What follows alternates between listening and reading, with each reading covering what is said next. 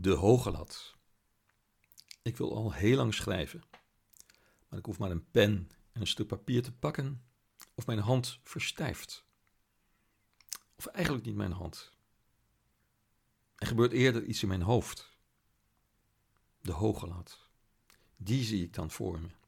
Zo hoog dat geen enkele hoogspringer, zelfs geen polstok hoogspringer, er overheen zou kunnen komen.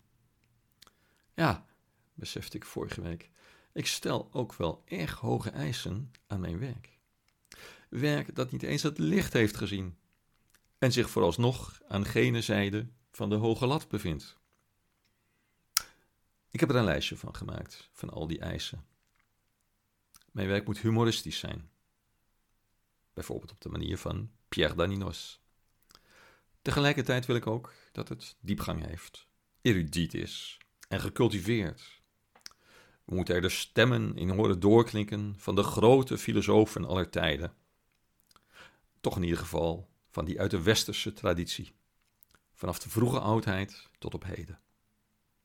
En enkele subtiele verwijzingen naar de wijsheidsteksten van het boeddhisme of soefisme zouden ook niet meer staan. Terwijl ik best ook wel wil proberen een brug te slaan tussen christendom en islam. Daarnaast mag ik mijn shamanistische vriendjes niet vergeten. En wil ik ook nog eer bewijzen aan een verre Joodse voorouder die in de 16e eeuw het katholieke Spanje is ontvlucht om zich na vele omzwervingen in Leiden te vestigen. Maar naast al die diepgang moet mijn werk, elk boek dat ik ga schrijven, vooral ook boeiend en spannend zijn, lezen als een echte page-turner, als een thriller van het hoogste niveau. Zo moet je mijn werk ook kunnen lezen. Dit volstrekt originele oeuvre, dat in één adem met de grootste literaire geschriften aller tijden genoemd gaat worden, zal van een aan perfectie grenzende, bijna oogverblindende schoonheid zijn. Diepe emoties zullen zich hoofdstuk na hoofdstuk ontrollen. Mijn werk zal niemand onverschillig laten. Vanzelfsprekend gaat het eerste boek een bestseller worden. Een oplage van 400.000, alleen al voor Nederland en alleen al in het eerste jaar na publicatie. Daar gaat het vanzelfsprekend niet bij blijven. Nog voordat mijn eerste boek wordt uitgegeven, stromen de verzoeken om het te verfilmen toe. Mijn uitgever heeft daar uiteraard zijn stinkende best voor gedaan en alles uit de kast gehaald om mijn boek te promoten.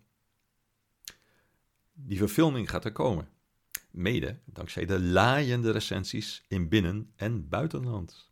Ja, ook in het buitenland, want het boek gaat meteen na publicatie in Nederland onmiddellijk in de twintig belangrijkste wereldtalen vertaald worden. Eigenlijk is dit boek zo goed, menselijk, diepzinnig en universeel dat men al spoedig zal spreken van de nieuwe Bijbel. Ach, je moet toch ergens beginnen, nietwaar? Positief denken, een beetje dromen, flink doorwerken en een beetje geluk. Dan moet het toch lukken zo nu en dan wat tekst op papier te krijgen.